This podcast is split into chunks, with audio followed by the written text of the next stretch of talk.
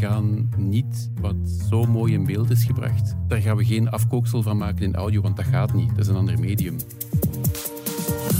Dit is Podcast Goud. Een podcast over podcasts, voormakers, doormakers. Ik ben Shalini van de Langenberg, creative producer bij podcastagentschap Uitgesproken. Je kan me kennen van Mercury Mysteries, Missy McCartney of The Sorting Hat Revisited. Achter de schermen werkte ik mee aan podcasts zoals Grensverleggers, Clubnet en Zot Schoon. In deze podcast ga ik op zoek naar goud. Podcast goud. Wat dat juist is, dat is moeilijk om uit te leggen, maar je weet het als je het hoort. Soms kan je dat zelfs voelen. In je lijf, tijdens een opname of als je naar een podcast luistert. Maar hoe maak je podcast goud? Waar vind je de verhalen? Hoe herken je een gouden idee en hoe ga je ermee aan de slag? Ik vraag het aan de goudzoekers, de makers zelf dus in feite, van al die geweldige podcasts. Welkom bij Podcast Goud. Vandaag in mijn wachtkamer twee makers die een hele race dokters hebben afgeschuimd om aan preventieve gezondheidszorg te doen en die er en passant in zijn geslaagd om een ongelooflijk strafverhaal te vertellen met dank aan Pedro Elias.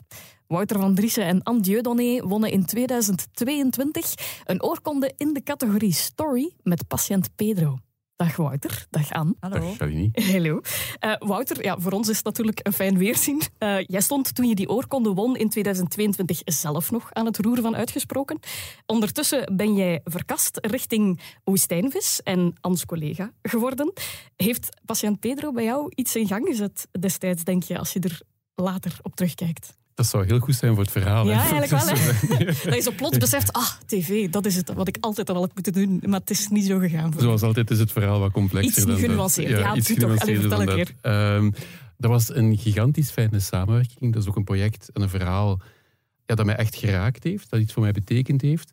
Er was dat hele fijne contact met Anne, met Pedro, met andere mensen binnen Woestijnvis. En ik weet op het moment dat dan de televisiereeks Patiënt Pedro gemaakt werd, na de podcast, en ik zag dat op televisie, dat dat wel iets deed om dat te zien ook.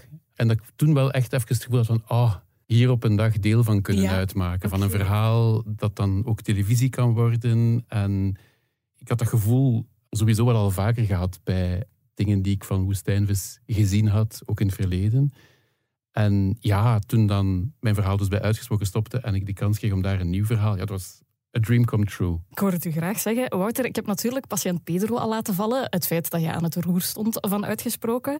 Waar kunnen podcastluisteraars jou nog van kennen? Van niet zo gek veel, denk ik. In de zin van uh, enkel podcastluisteraars die heel lang doorluisteren. Maar we zitten in een niche, hè, Wouter? Ja, Mocht je dat nog niet naar, doen? Naar podcasts die uh, lange credits hebben, waarin mensen vermeld worden die hebben meegewerkt. Vandaar zouden ze mijn naam kunnen kennen. Maar dit eh, achter een micro zitten en zelf praten is iets wat ik eigenlijk heel weinig gedaan heb en absoluut ook niet graag doe. Sorry daarvoor. maar, uh, toch zit je hier, ja, waarvoor en dank. Met veel, met veel plezier. uh, maar dus in deze rol van heel weinig. In andere rollen ja, heb ik in het verleden op een moment dat podcast echt nog niet eens in de kinderschoenen stond, maar nog babyvoetjes had, ben ik op een blauwe maandag bij de Standaard samen met heel veel andere mensen uh, hebben wij het podcastproject opgestart. Wat dan nadien ja, de podcast van de standaard geworden is die die vandaag is. En veel groter en veel uh, uitgebreider. En dan ja, bij uitgesproken uh, van zowat alles wat daar ooit gemaakt is, denk ik. Dus er is ergens um, jouw stempel wel op, hè? Daar heb ik met veel plezier en liefde vaak aan meegewerkt. Ja, zeker wel. Ja. Zeker wel. Anne, bij jou is het eigenlijk een heel ander verhaal. Hè? Bij jou ja. is patiënt Pedro eerder een specialeke geweest. Jij bent vooral verknocht aan het medium tv. Ja, ik ben vooral ook een inhoudelijke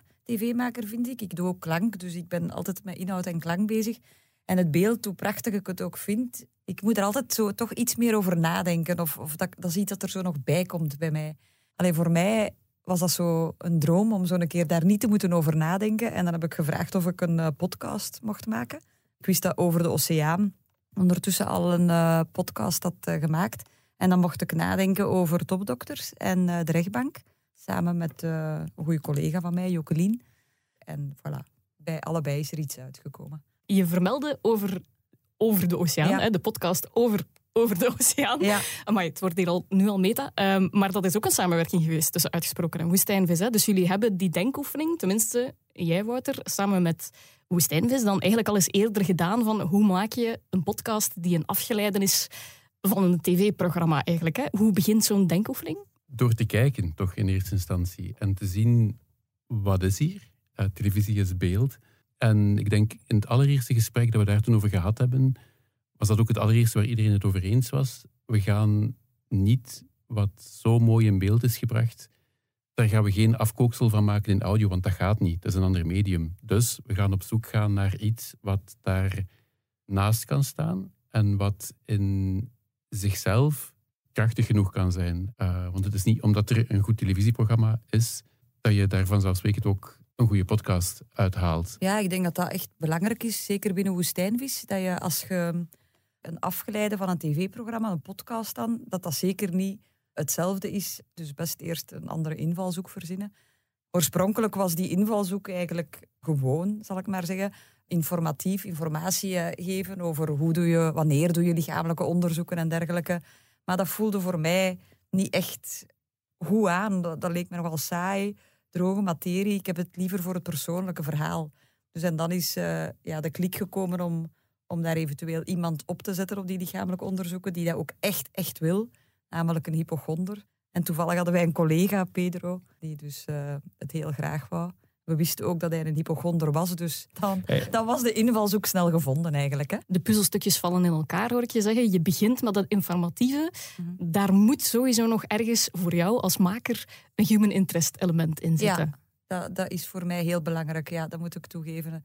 Ik vind dat er altijd een soort spanning of zo moet zijn. Een reden waarom dat je wil blijven luisteren daarnaar. En ik geloof ook wel dat je door een persoonlijk verhaal te vertellen, dat je de boodschap veel beter kan overbrengen dan als je het gewoon informatief houdt. Ja, ik denk dat dat zo je verhaal menselijk maken en persoonlijk maken, dat dat de oertip is van storytelling. En dan toch kom je in een brainstorm terecht rond lichamelijke onderzoeken. En dan merkte ik bij jou aan, er was voor jou echt geen verhaal mogelijk zonder dat verhaal, denk nee, ik. Hè? Nee, nee. Ja, want het was ook oorspronkelijk de bedoeling om in de studio te werken. Maar dat knettert in mijn hoofd dan. Dan denk ik, maar dat klopt toch niet. Je gaat toch niet op consultatie in een studio of je doet geen lichamelijke onderzoeken in een studio. Dan zou Pedro reporter geweest zijn. En ik wou dat hij als patiënt bij de dokters ging en niet als reporter. We moesten de mens, Pedro, horen. Daarmee heb je eigenlijk al een eerste, ja, een oertip zelfs gegeven over podcasting. En we zijn nog niet eens voorbij de intro. Mhm. Het oorspronkelijke idee was dus inderdaad een, een eerder informatieve podcast hè, over preventieve gezondheidszorg. Pedro is daar vervolgens op de mooist mogelijke manier volledig mee aan de haal gegaan eigenlijk. En dat is Patiënt Pedro geworden. Hè? Een podcast van Woestijnvis en uitgesproken voor GoPlay en het Nieuwsblad, die vorig jaar de allereerste oorkonde in de categorie Story won waarom patiënt Pedro gecategoriseerd kan worden als podcastgoud en welke tips wij als maker uit die podcast kunnen filteren, zoek ik vandaag uit met Wouter en Anne.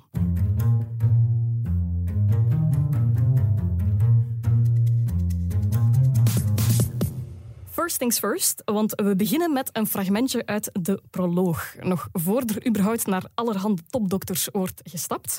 Wouter, wat moeten we nog weten over patiënt Pedro om helemaal mee te zijn? Zes afleveringen. Eh, ik denk gemiddeld rond de 30, 35 uh, minuten. Combinatie van reality uh, met Pedro die een voice-over stem vertelt over consultaties bij een aantal artsen. Uh, en in gesprek gaat daarover ook met zijn geliefde Evelien en met zijn mama onder meer. Ja, en vooral als hypochonder. Hè? En vooral als hypochonder. Van het belangrijkste vergeten, zo hoort dat. Hè? Ja, heel dat graag is, zijn lichaam ja. laten onderzoeken in de hoop dat hij voor eens en voor altijd af is van de idee dat hij ziek zou zijn. Ja, absoluut. En voor Pedro al die dokters bezoekt, willen natuurlijk zijn vrouw Evelien op de hoogte brengen van dat plan. En die is daar toch ja, iets minder enthousiast over dan Pedro zelf. Eigenlijk moeten gewoon soms niet naar een dokter gaan, denk ik ook. Ik heb u net gezegd dat ik dat keihard wel ga doen. En niet gewoon, ik ga naar specialisten. Dat gaat, uiteraard gaan daar dingen uitkomen. Uiteraard. Dingen uitkomen? Ja. Allee, jij doet precies alsof jij nog een jong, een jong veulen bent. Van, allee, ik weet niet, tuurlijk gaan er dingen uitkomen.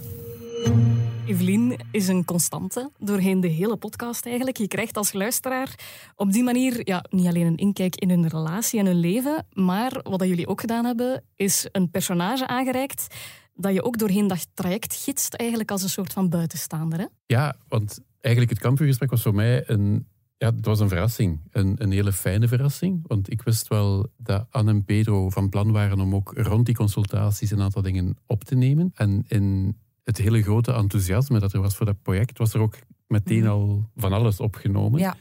En het eerste wat ik binnenkreeg waren heel veel verschillende stemmen. En heel veel hele goede verschillende stemmen. En er zijn twee soorten problemen in montage. Ofwel heb je te weinig, dat is een heel vervelend probleem om te hebben. Ofwel heb je te veel, en dat is ook een vervelend probleem om te hebben. zijn de iets minder vervelend. Luxe Eh, probleem is het dat, hè? een luxe probleem, inderdaad. Maar in dat luxe probleem hebben we wel vrij snel knopen doorgehakt. We kunnen beter focussen op twee of drie extra stemmen dan Pedro een ronde laten doen van vrienden waar hij aan iedereen stukjes van dat verhaal geeft, omdat je op die manier nooit echt gaat meeleven Ja. eh, met een van die andere stemmen. Ja, dat was, want dat was inderdaad oorspronkelijk ons idee dat we verschillende stemmen zouden horen gedurende de ganse reeks. Eh, maar dan heb jij heel snel gezegd van nee, we mogen echt niet te veel stemmen en we kunnen die beter wat uitdiepen dan dat je bij de ene dag gaat zeggen, bij de andere dat. Dus dat was al een goede les. Ja, dat is inderdaad een, een, Ja. een heel goed schiftingsproces eigenlijk. Less is more. Wat dat je zegt, verdieping, vind Mhm. ik een ongelooflijk mooi woord. Want je wilt eigenlijk weg van die flat characters. En je hebt ook maar een ja, 20 minuten en een half uurtje om iedereen gezet te krijgen natuurlijk. Ja, klopt. Ja. Ja. En dat wist ik toen nog niet eigenlijk. Hè. Dat was voor mij eh, toch nieuw. En ook, eh, ik vind dat ook heel belangrijk voor de stemmen zelf. Want Pedro heeft dan veel tijd daarin gestoken. Zijn vrienden ook, wat dat ook echt hele goede gasten waren. Als het aan mij lag, zou ik die misschien nog lang meegenomen hebben. Maar dat was dan voor hen ook niet leuk als die op het einde zouden wegvallen. Dus je kunt maar beter in het begin je keuzes maken, denk ik.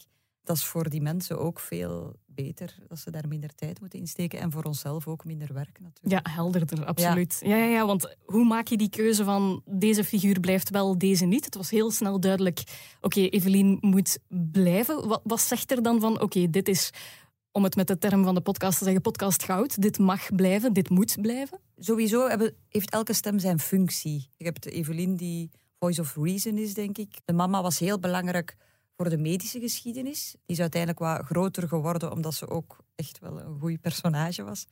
En dokter Nicolas eh, vond ik ook heel belangrijk. Eh, vooral ja, dat het medisch verantwoord was wat wij aan het doen waren. Ja, ik denk de nood ook. Er zijn stemmen waar je niet omheen kunt. De papa van Pedro is eigenlijk ook heel belangrijk in het verhaal. Stel dat hij er nog was geweest, dan zou dat ook een stem geweest zijn waarvan je eigenlijk zou gedacht hebben van om deze stem kunnen we echt niet heen. En ik denk dat die stemmen er soms ook zijn. De stemmen die je echt nodig hebt omdat het verhaal het vraagt. En dan denk ik, ja, zijn er de stemmen die de luisteraar vraagt of die je zelf als maker De nodig hebt. Ja, peper en zout zeggen ze dan Ja. vaak. Of, of, eh, maar het is hier niet aan de orde in de zin dat er geen enkele stem is peper en zout. Eigenlijk zijn alle stemmen dragend, vind ik. Maar hebben ons bijna daartoe beperkt ook, denk ik. Ja, op zich zouden we kunnen zeggen dat je de podcast kunt maken zonder Evelien en de mama. hè. Maar je Maar zou een heel andere zijn, podcast... ja, dat denk ik ook. Dat denk ik ook. Eh, omdat je hele stukken van het verhaal niet vanuit de beleving zou kunnen vertellen en niet vanuit de interactie tussen hen. En dat is echt wel iets waar ik door jullie bezig te zien aan daarin, want dat had ik zelf nog nooit gemaakt. Dat was zo'n openbaring. Want eigenlijk heb je het verhaal van Pedro en de consultaties en dan daarnaast heb je parallel het verhaal van Pedro en zijn mama, het verhaal Mhm. van Pedro en zijn papa, maar dat hij vertelt eigenlijk via zijn mama ook. Ja. Plus wij- het, het perspectief van Evelien, van ja, de geliefde die dat ziet gebeuren, Ja. die ook inzet met mijn man. Ja, die worstelt echt heel hard met iets Mhm. en ik wil die helpen. Dat zit er ook zo mooi in. En tegelijk ook soms de, de ergernis erover. Ik ben er ook wel echt klaar mee, zoals Ja. je wel kunt horen. Ik vond dat en geweldig. je hoorde het, hè? Ik weet nog, dat, was ook, dat zat al in een van de eerdere, eh, van de eerste dingen die ik hoorde van die podcast. En dat dat ook het moment was dat ik dacht van ja, als, als dit soort dingen blijven komen, dan gaan we echt een uniek document kunnen maken. En ik denk dat dat zo doorheen dat hele traject, de, de authenticiteit, de echtheid, dat dat in de Mhm. personages, maar ook in, in hoe je het vertelt, Dat dat iets consistent moet Ja. zijn. Ja. ja, want dat voel je. Ook al valt er veel weg in podcast, en je zou kunnen zeggen van eh, een kampvuurscène, ja, als er camera's op staan, ja, het moet donker zijn enzovoort. Je moet dat allemaal, eh, je moet met heel veel meer rekening houden. Voor podcast zou je kunnen zeggen van, à la limiet, eh, ja, we gaan in een garage staan, we hebben dat gesprek. Wat knetter, En we monteren daar ja. iets onder en dan heb je dat ook, maar dat, dat ga je voelen. Nee, authenticiteit 100%.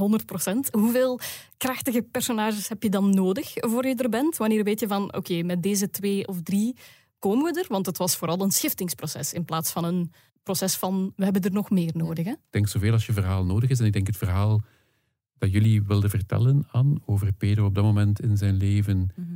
En wat er bij hem speelde en waar dat vandaan kwam, dat het feit dat we zijn mama hadden, dat zij dat zag zitten, het feit dat Evelien dat zag zitten, het feit dat dat zo'n mooie personages bleken, daar kun je op hopen, maar dat weet je niet. Eén van beiden of allebei hadden ook kunnen zeggen van ja, dat is tof, maar dank u wel.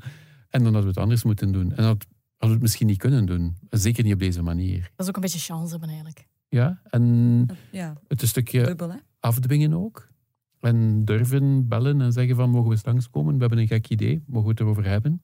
Het vertrouwen scheppen ook. Hè? Ja, en we zijn hier nu over nevenpersonages bezig. Hè? Want uiteindelijk, Pedro zelf is het beste personage dat je u kon voorstellen eigenlijk hè, voor dit eh, onderwerp. Ja, en de kwetsbaarheid waarmee hij in dat verhaal staat. Ja. En tegelijk de humor Mhm. en de, de rock and roll. En Ja. eh, het is op het snijpen van al die dingen. En ook voor hem, ja, om je zo bloot te geven. Absoluut. Ja, letterlijk en figuurlijk natuurlijk. Hè? Ja. En dat is denk ik geen geluk. Eh van jawel, je, je bent heel gelukkig dat je een Pedro hebt die dat aangaat. Maar het feit dat Pedro dat dan gedaan heeft, is wel echt jouw verdienste ook. Enfin, dat zijn verdienste natuurlijk, maar Mhm. ook jouw verdienste aan in de zin dat jij voor hem wel een context hebt gecreëerd waarin dat Ja. mogelijk was. Eigenlijk heeft Pedro, ja, door wie hij is en door de manier waarop hij het gemaakt heeft, heeft hij eigenlijk het tv-programma Topdokters, hè, waarvoor de podcast uiteindelijk gemaakt werd, heeft hij eigenlijk volledig overstegen. Ja, ja, het heeft inderdaad echt een volledig eigen bestaansrecht verworven, dankzij dat geweldig goed personage. Dus wat ik daar vooral- vooral dan uit onthoud, als ik jullie zo bezig hoor, is één, kies je personages heel doelbewust. En twee, geef ze dan vooral alle vrijheid en vertrouwen. Absoluut. Ja, vind ik een heel eh, belangrijk punt. Absoluut.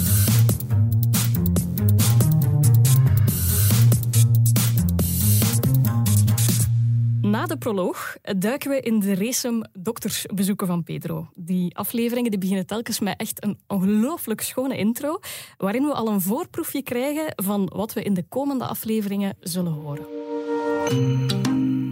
Ik ben Pedro Elias en het eerste wat ik doe als ik wakker word, is voelen of mijn hart nog klopt. Of ik nog leef. Ik ben een hypochonder. Volgens mijn vrouw, Oh my god. maar ook volgens mijn huisarts. Ik denk dat je op dat vlak heel fragiel bent. Mijn steun en toeverlaat in vele bange dagen. Het is een moeilijke dag. Bij elk kuchje hoor ik een doodvonnis. Ik heb het van mijn papa, denk ik. Ook een Pedro. Hij las elke ochtend voor uit een medische encyclopedie. Elk ontbijt ging hij op zoek naar de kwaal van de dag. Samen met mij. Hij is onlangs gestorven, mijn papa. Op zijn 82ste. Geen slechte leeftijd, maar ik wil beter doen. En vooral niet meer elke ochtend moeten denken dat vandaag mijn laatste dag is. En dus wil ik die angst in mij eindelijk gaan temmen.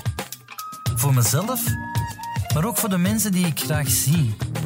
Mijn mama, mijn vrouw Evelien Ik ben een beetje klaar mee, zoals je kunt horen. en mijn kinderen Pony, Rover en Matteo. Dus heb ik een heel eenvoudig plan. Ik ga mezelf preventief laten screenen We gaan bloed pakken, hè? bij zoveel mogelijk topdokters. Dokter, die meneer Elias is hier voor u. Om zo te proberen om een nieuw nulpunt te bereiken. Leeft genoeg. En innerlijke rust te vinden. Oh my god. Eindelijk. Oh, ik ben zenuwachtig. En jij, jij mag meeluisteren. Verkoud hem een keer. Ook als het spannend wordt. Dat is niet goed, hè? Als het pijnlijk wordt. Dit gaat niet goed, hè? Ja. Als het intiem wordt. Broek een beetje naar beneden. En gênant. Het is langs de poep, hè? Dit is Topdokters en ik, ik ben patiënt Pedro. Ik pik de intro er specifiek uit, omdat het de verschillende podcastlagen meteen zo mooi vat. Je hoort interview, reportage, sounddesign, voice-over, allemaal in een hele schone mix. Het is iets wat jij hebt ontdekt tijdens het maakproces, hè, Anne? De poëzie van podcasting. Ja, absoluut. Ja. Is vooral nadat ik eh, deze intro gehoord heb voor de eerste keer, zo met alles, alle laagjes erin, dat ik door had van, ah ja, dat is eigenlijk wat dat podcast maken is. Voor alle duidelijkheid, eh, we hadden de voice-over geschreven. En Pedro en ik, wij belden echt af en toe naar elkaar van, allee, gaat dat nu echt iets goed worden? We, we wisten nog niet of dat, dat zo was, want wij hoorden kuts en, en geen goede overgangen. En ik was ook niet bij die montage, dus dat wordt apart gedaan. En ja, ik denk dat ik dat echt de eerste keer dat ik dat hoorde wel, ik weet niet, tien keer of zo heb beluisterd. Dat ik dacht, ah ja, oké, nu weet ik, het gaat goed komen. Ik had het zelf als jij aan. Ik heb hem vrijwel meteen doorgestuurd, maar ik heb hem ook zo vaak beluisterd en herbeluisterd. En dat is iets magisch als dat dan valt. Want ik wist dat we heel mooi materiaal hadden. Ja. En ik wist dat er een manier ging zijn om dat in elkaar te duwen. Maar het is toch pas op het moment dat je al die laagjes boven en onder elkaar hoort. En als je voelt van ja, dat klopt. Je hebt dat nooit volledig in de hand. Je kunt daarvoor denk ik zo goed mogelijke omstandigheden creëren. Maar het moet toch altijd maar blijken. Het moet toch altijd maar vallen. Ja, het En- magische puzzelstukje moet er zijn op een of andere manier. hè? ja, en als het 15 milliseconden, bij wijze van spreken, te vroeg of te laat instart, dan werkt het plots ook niet meer. En bijvoorbeeld ergens in de loop van die intro, je hoort daar een heartbeat onder zitten. Dat is een idee dat ergens onderweg ontstaan is van, ah, en dat komt dan ook in de podcast nog een paar keer terug. Die, dat, dat is ook de angst van Pedro, dus het hart dat eventjes versnelt. Het is natuurlijk ook over gezondheid. En het feit dat het dan op die beat zat en ah, daar kun je zo... Ik, ja, Maar daar worden eh, er- audiofreaks zoals wij heel erg gelukkig van, Ja. natuurlijk. En ik Ja. kan dat zeggen omdat je maakt het als team. Als ik nu zeg van, ik kan daar echt door ontroerd zijn, dat klinkt zo van, ja, je hebt wel iets gemaakt, je bent dan ontroerd, papa. Maar dat is niet van jezelf meer. Dat is van Anne en van Pedro en van Stef en Evelien en iedereen die in die intro passeert. En iemand heeft een halve zin en iemand heeft er dan een betere halve zin van gemaakt. En dan heeft iemand in montage nog die twee dingetjes omgedraaid. En dan heeft iemand een idee van een heartbeat. En dan doet Stef daar in sounddesign iets geweldig mee. En al die dingen samen, dat is, nog los van de magie dat het dan valt, is dat ook gewoon al die kleine stukjes creativiteit van alle mensen die daarbij betrokken zijn, die plots samenkomen. Als ik niet oplet, begin ik nu te Oh, janken. nee, dat, is, Wouter. dat, is, dat is, ik vind, ik vind dat, dat, is, dat is het is allerschoonste wat er is in een creatief traject. Dat is geweldig, toch? Podcastgoud, hè? Ja, ja. ja, maar, maar creatief goud. In de zin van, dat kan ook televisiegoud zijn, dat kan Ja. tekstgoud zijn, dat kan covergoud zijn als dat op een tijdschrift is of op een boek. Zo een, een, een goed idee dat dan goed wordt uitgevoerd en waar heel veel mensen toe hebben bijgedragen en waar je dat eigenlijk zelfs niet meer kunt dissecteren. Je zou bij God niet meer weten wat van wie is. Dat is van Hmm.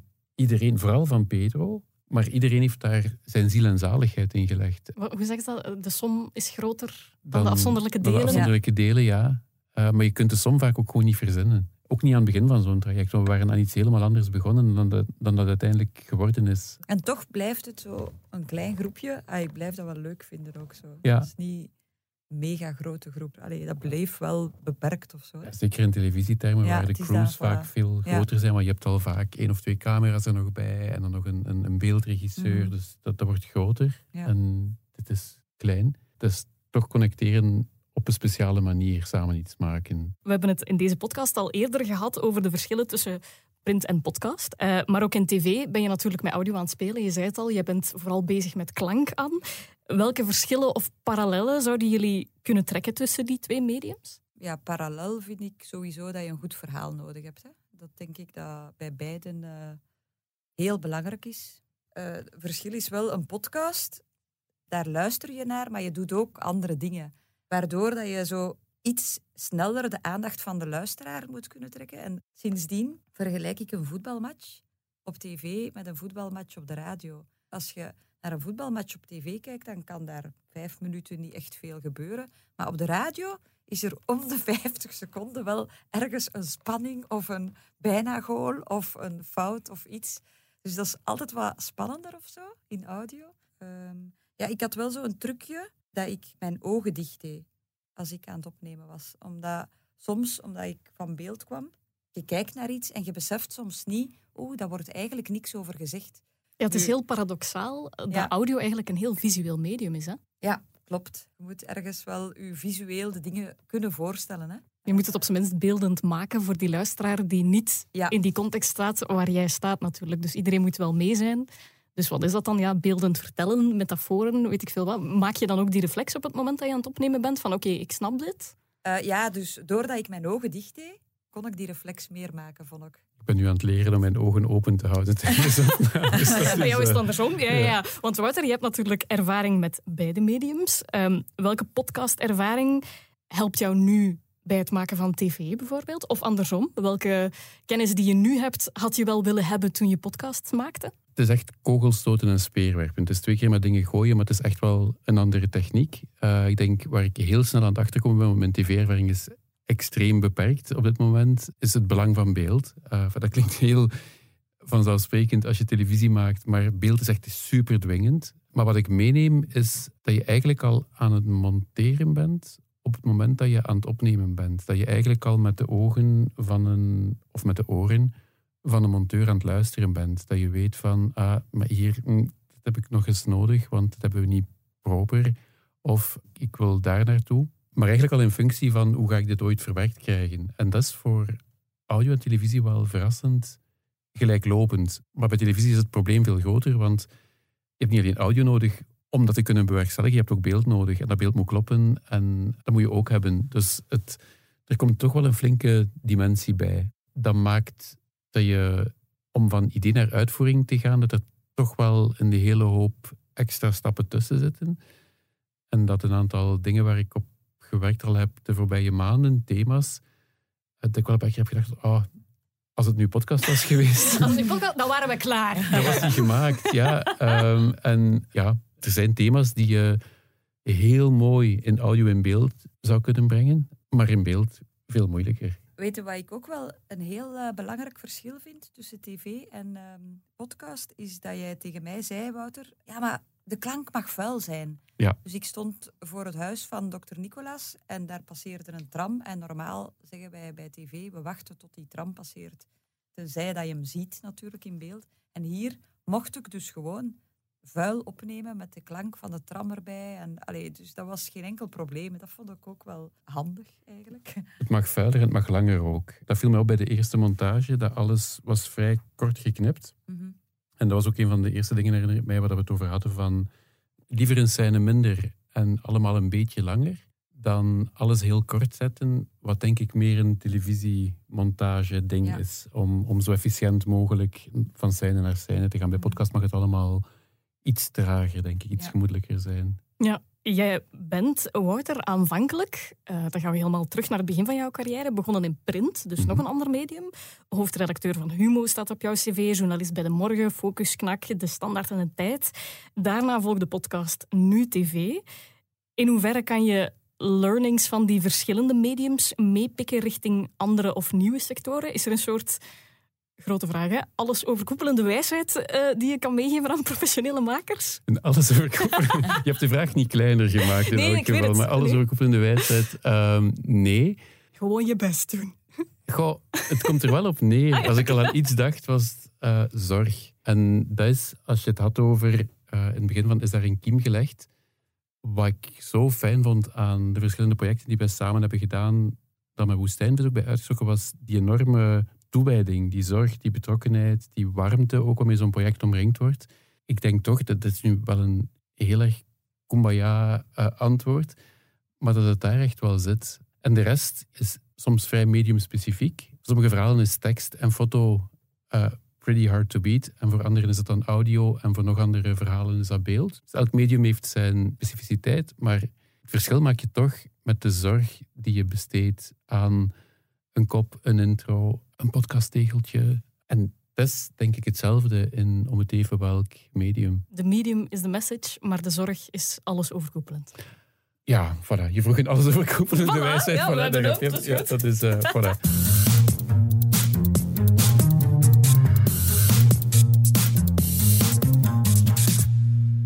Het derde fragmentje gaan we luisteren naar het moment waarop jij besefte dat jullie podcastgoud in handen hadden, Wouter. Jij luistert naar de opnames van Pedro zijn darmonderzoek. En dat is een vrij uniek moment dat in Patiënt Pedro zo klinkt. We zijn bijna op het einde. Dus het... Dikke darm, daar bent u nu al even Ik ben heel uw dikke darm lang in geweest. Dus ik ben eerst tot het uiteinde geweest van uw dikke darm. En ik ben nu terug bijna, zou zeggen, bijna aan de achterdeur terug. Dus we zitten hier ongeveer zo... Want hoeveel meter heeft u nu? We zitten hier ongeveer in de hol, in de hal van aan de achterdeur. Hè, want wij gaan binnen langs achter. Hè. Kijk, nu ziet u eens uw eigen anus. Zo ziet dat eruit. Ik vind mijn anus Ja. eh vriendelva waardig. Wat? Vriendelva aardig. Dus, dus Ah, waardig. Oké. dat Eh, Wim Delvoye waardig vindt eh, Pedro zijn anus. Hedendaagse Belgische kunstenaar, bekend van cloacamachines en afdrukken van anussen en zo. Dat is een uitspraak die Pedro weliswaar vrij gedrogeerd doet tijdens zijn darmonderzoek. Wouter, voor jou is dit een van de vele momenten eigenlijk waarop jij verrast werd tijdens dat maakproces, dat bij jou ook ongelooflijk binnenkwam. Ja, en ik twijfel een beetje, maar we zijn met een persoonlijke podcast bezig, dus misschien moet ik zelf ook maar zo persoonlijk zijn. Maar ehm, ik heb dat onderzoek zelf al een paar keer moeten ondergaan. Mijn vader is verschrikkelijk jong gestorven aan darmkanker en als nabestaande heb ik om de zoveel tijd zo'n preventief onderzoek. Dus je kunt je voorstellen, de drempel om te luisteren wordt dan groot. Maar het raakte mij dat uitgerekend bij dat onderzoek dat ik begon te lachen ook. Door hoe hij daarin gaat. En de laatste keer, dat was al na de podcast, dat is anderhalf jaar geleden, had ik dan opnieuw dat onderzoek. En out of nowhere kwam plots die scène terug. En ik heb daar in mijn eentje, in mijn operatiehemdje, zachtjes liggen lachen. En was daar heel dankbaar voor, omdat het feit dat je tegelijk in zo'n situatie informatief kunt zijn, want dat is het. Geestig kunt zijn, want dat is het ook. Authentiek kunt zijn, want dat is het absoluut ook. En rock and roll kunt zijn. En zelfs wat poëtisch kunt zijn. Als al die dingen samenkomen in een scène, dan is er iets heel mooi gebeurd. Ik denk ook net dat dat er zo mooi aan vind. In die zin van, ja, ik heb nu natuurlijk het mopje met de poep eruit gehaald, maar eigenlijk is het wel een scène die eigenlijk inderdaad echt een rollercoaster aan emoties is, in de beste zin van het woord. Want die, die authenticiteit van Pedro, die sluimert, vind ik alleszins, niet alleen door op het moment van die opnames. Pedro die opmerkingen maakt van op de operatietafel bijvoorbeeld, maar ook in de voice-over die achteraf is toegevoegd. En dat is geen simpele prestatie om dat voor elkaar te krijgen.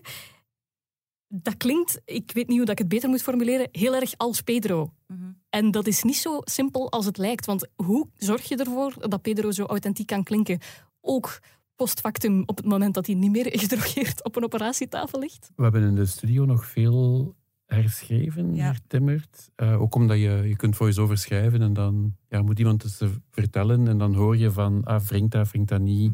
Het moet uit je Ehm, mond kunnen rollen ook. Ja, Ja. en dan ter plekke zijn er nog Ja, een paar dingen geprobeerd, een paar dingen gesneuveld. Ja, ehm, veranderde het eigenlijk veranderd. plots iets, hè. Ja, begon hij opeens te freewheelen. En dan Ja. wisten we, oké, nee, we gaan de rode knop aanhouden, want hier kan wel weer iets moois uitkomen. ja. Dus vooral laten lopen en Pedro eigenlijk ook daar de vrije teugels eh, geven. Ja, ik vind wel eh, ehm, voor een deel ook niet, hè, want er was een bepaalde manier van inspreken die ik heel raar vond in het begin. Hij moest opeens veel trager praten dan tijdens de repo's eigenlijk, omdat je dat verschil zou, die laagjes beter zou kunnen horen. Een van de dingen waar we op botsten is dat je hebt Pedro in de actie in de podcast. Dan heb je Pedro in gesprek met mensen. Dan heb je Pedro soms die dagboekgewijs, bij wijze van spreken, iets aan het inspreken was. En dan had je Pedro in voice-over. Dus je had vier soorten Pedro. Maar dat moest wel duidelijk zijn welke Pedro wanneer aan het woord was. Anders werd dat een soep. En vandaar de keuze om het vrij gelezen en iets trager te laten klinken, zodanig dat je dat andere register, dat je ook echt een, een voice-over register had. En dat duidelijk was van, oké, hier praat Pedro achteraf over datgene wat je gehoord hebt, of hier richt hij zich rechtstreeks tot de luisteraar. En vandaar dat we daar ook wel echt een, een vorm en een register voor nodig hadden. Ja, want dat is natuurlijk de grote uitdaging, denk ik. Je hebt daarvoor een vorm en een register nodig, want het is een ander element, een andere functie van die stemmen, zoals je al zei. Mhm. Maar het moet nog altijd wel inderdaad diezelfde authenticiteit bewaren, diezelfde Pedroheid, zal ik het dan maar noemen, bewaren. Je moet ook zijn register je eigen maken eigenlijk als ja. schrijver van voiceovers op dat moment. Ja, nu dat is heel moeilijk om het register van Pedro uw eigen te maken, dus hij heeft daar sowieso een heel grote inbreng in hoor. Uh, maar wat ik wel heel vaak deed bij hem, was vragen hoe voelde jij je toen? Kun je dat nog eens beschrijven? En dan had ik het dictafoon en dan nam ik dat op. En uh, dat gaf al heel veel, vond ik. En verder, ja, hij is ook een schrijver. Hè? Dus hij heeft die voice-overs ook wel echt voor een groot deel zelf naar zijn mond gezet. Maar dat was wel een trucje van mij ook, dat ik inderdaad vroeg, vertel eens heel eerlijk, uh, herinnert u dan nog dat moment? Vertel eens wat dat dan was en zo. Ja, dat vind ik wel een geweldig goede tip. Proberen. En, en falen. En uh, opnieuw proberen tot het werkt. En dan af en toe iets horen dat zo inspirerend is. Specifiek met voice-overs denk je dan meteen aan de kunst van het verdwijnen. Wat in voice-over iets doet waarvan ik denk van dit heb ik nu echt nog nooit gehoord. Iemand die een verhaal aan mij vertelt alsof hij het aan mij alleen vertelt. Hoe doet hij dat? En is heel goed luisteren en daar weer iets uit meenemen en daar weer mee aan de slag. En uh, ga je zoeken wat dan voor dat project werkt. En ik denk voor deze podcast was dit denk ik de logische uh, uitkomst. Misschien niet de enige, maar degene die voor ons werkte uiteindelijk. Ja, en de meest open deur intrappen en gewoon vragen, hoe was het? Ja.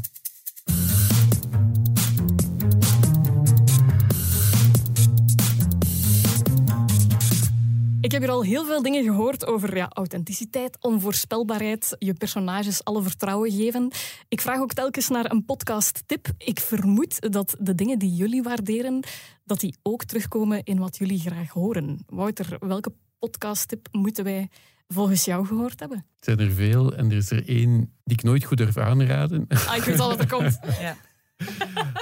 um, wat ik bij deze zal aanraden. Ik durf dat nooit goed aanraden, maar ik ben altijd heel erg bewust word van het feit dat ik een ouder wordende man van 46 ben. En het gaat om een heel expliciete podcast. En dat... Um, ja, je wil, je wil niet dat zo'n tip gek overkomt, maar Kom als aan, ik hem Wouter, je hebt hier hem ook deel, al aan mij Voilà, exact. Maar Zo'n ook wel, met die, aanloop, ook, wel, met- ook wel met die aanloop. aanloop, denk ik. Hè. Ja, ja, waardoor ik Ehm, op een andere manier lui aan is. Ja. Het, is, het, het, het triggert wel meteen op Ja, die manier. is Hè? Je denkt van, wow, podcast is dat jong. Het is Dying for Sex. Ja. Eh, podcast die terecht, denk ik, veel gelauwerd is. Een heel heftig verhaal. Dat naarmate je verder luistert, steeds meer laagjes krijgt. Het is ook weer zo'n podcast waarin er zoveel emoties, zoveel lagen aan emoties zitten. Het is lachen, huilen eh, en heel grote kunst, denk ik. Ja, Dus, Absoluut. eh, Echt een rollercoaster aan emoties. Ja. Dying for Sex. Een geweldige tip die je wel mag geven.